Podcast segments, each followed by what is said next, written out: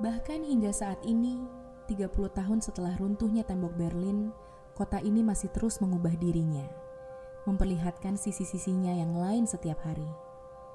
Saat aku melihat jendela-jendela yang ditinggalkan di area konstruksi Berlin, aku mulai mengingat-ingat bagaimana bagian timur dan barat kota ini pernah terpisah selama 28 tahun dan aku memikirkan kehidupan mereka yang sebangsa berbicara dalam bahasa yang sama bagaimana mereka memandang kehidupan di Berlin dan apa yang ada dalam pikiran mereka. Demikian renungan Shota mengenai karya instalasi Inside Outside yang memperlihatkan tumpukan jendela yang dibentuk seperti tembok.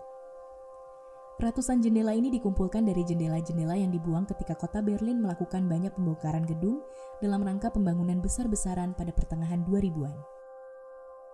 Bagi Shota, Jendela seolah-olah memisahkan yang di dalam dari yang di luar dan sebaliknya. Ia berpikir bahwa kadang-kadang dua ruangan dapat bercampur baur dan sulit baginya untuk membedakan apakah ia sedang berada di dalam atau di luar.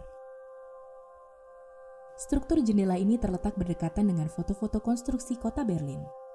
Membantu untuk membayangkan asal dari jendela-jendela ini, sekaligus merasakan sisa-sisa keberadaan serta kumpulan cerita dan kenangan yang tersimpan dalam reruntuhan. Reflection of Space and Time memperlihatkan dua buah gaun putih tergantung di dalam sebuah kerangka kubus yang dipenuhi benang-benang hitam. Ketika Anda mendekat, Anda akan menyadari bahwa satu gaun merupakan pantulan dari cermin. Seperti pada karya Inside Outside yang telah kita lihat sebelumnya, Reflection of Space and Time juga mengangkat topik tentang jarak dan ruang dalam kehidupan manusia. Bila pada karya Inside Outside jendela ditampilkan sebagai pemisah antara ruang interior dan lingkungan eksterior, seperti kulit ketiga yang memberi jarak antar ruang-ruang tempat kita bergerak, maka gaun dalam karya Reflection of Space and Time ini menjadi simbol dari kulit kedua yang memisahkan tubuh kita dengan dunia luar.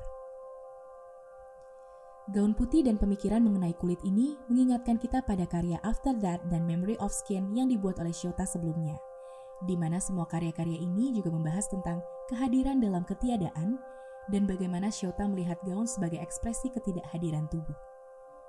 Meski demikian, sampai kapan pun, ingatan tentang kulit sebagai penanda identitas manusia tidak akan bisa hilang dan tersimpan dalam gaun-gaun ini.